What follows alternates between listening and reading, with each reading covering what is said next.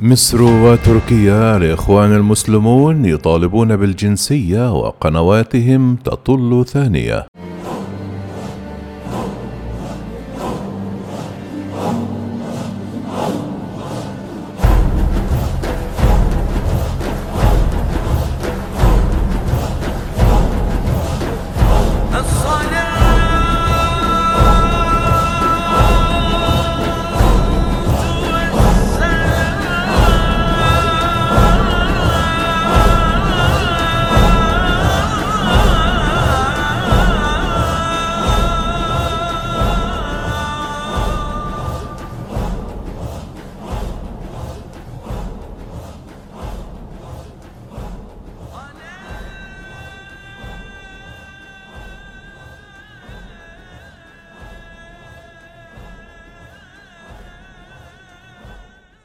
أصبحت كافة الخيارات التي تواجه تنظيم الإخوان في تركيا مرة فجميعها تضع التنظيم بقياداته وأعضائه الهاربين من مصر في مواجهة إجراءات صعبة قد تنتهي بهم إلى السجون أو الشتات.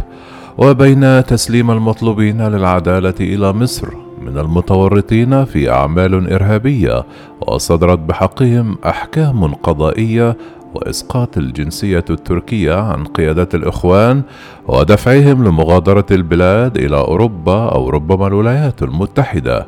تنوعت الخيارات التي سيجد الإخوان أنفسهم مجبرين على التعامل معها. تقدر مصادر مطلعة على أوضاع الإخوان في تركيا. عدد أعضاء التنظيم الهاربين من مصر يقدر بنحو عشرون ألفا من بينهم خمسمائة قيادي بارز في التنظيم الدولي وكوادر إعلامية وسياسية فيما لا تتجاوز نسبة من يمكنهم التحرك خارج البلاد الواحد بالمائة. وتبعت المصادر إلى أن السفر من تركيا إلى أي دولة أوروبية أو أي ملاذ آمن يتطلب الحصول على تأشيرة وجواز سفر ساري وصالح للسفر.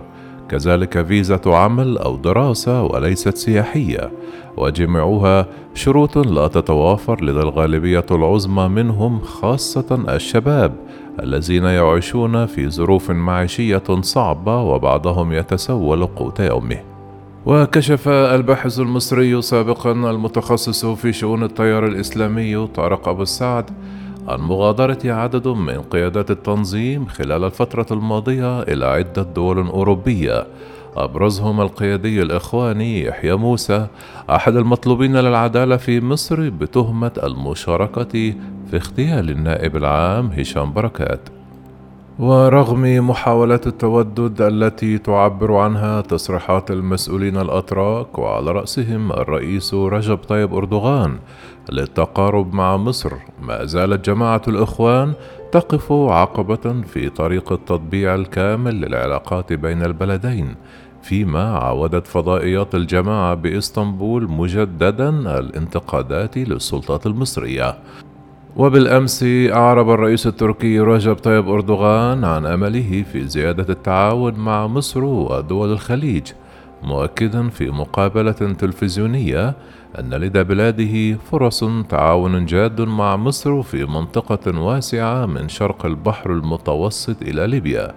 إلا أن مستشار أردوغان ياسين أخطاي يواصل إطلاق تصريحات ضد القاهرة حيث وصف خلال حديث مع فضائية فرانس 24 أمس ما شهدته مصر عام 2013 بالانقلاب المرفوض من قبل بلاده. كما أكد أن أنقرة لن تتنازل عما وصفه بموقفها الأخلاقي بشأن ما حدث عام 2013 مؤكدا أنها نقطة خلاف بين البلدين. وتناغما مع تصريحات ياسين أقطاي عاودت القنوات الفضائية في إسطنبول انتقاداتها للقاهرة. إذ انتقد المذيع الإخواني محمد ناصر في برنامجه اليومي على فضائية مكملين السياسات المصرية وذلك بعد هدنة مؤقتة التزم فيها بتعليمات السلطات التركية تخفيف حدة الانتقاد لمصر. فيما نفى القيادي الإخواني باسم خفاجي المالك القديم وممول فضائية الشرق رحيله إلى سنغافورة بتوجيهات من السلطات التركية أو وجود محاولات وضغوط تركية لإجباره على الرحيل. في ذلك الإطار كشفت مصادر أن قيادات جماعة الإخوان طلبوا من السلطات التركية الحصول على الجنسية على غرار ما حدث مع الداعية الديني الإخواني صفاء الضوي أحمد العدوي الذي يقيم في تركيا حاليا. وكانت مصر أعلنت مؤخرا إسقاط الجنسية عنه وعن أبنائه صهيب ومريم ورقية وزينب وعمر بقرار من مجلس الوزراء.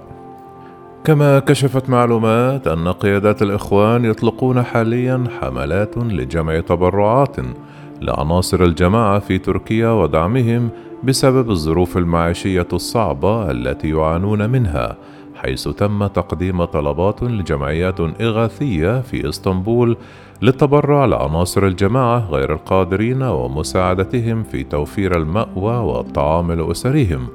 يذكر أن تركيا كانت قد أعلنت في مارس الماضي استئناف اتصالاتها الدبلوماسية مع مصر كما وجهت وسائل الإعلام الإخوانية العاملة على أراضيها بتخفيف النبرة تجاه القاهرة. وفي الخامس والسادس من مايو الماضي توجه وفد تركي برئاسة نائب وزير الخارجية سادات أونال إلى القاهرة في أول زيارة من نوعها منذ عام 2013 وأجرى محادثات استكشافية مع مسؤولين مصريين بقيادة نائب وزير الخارجية حمدي سند لوزة لبحث التقارب وتطبيع العلاقات.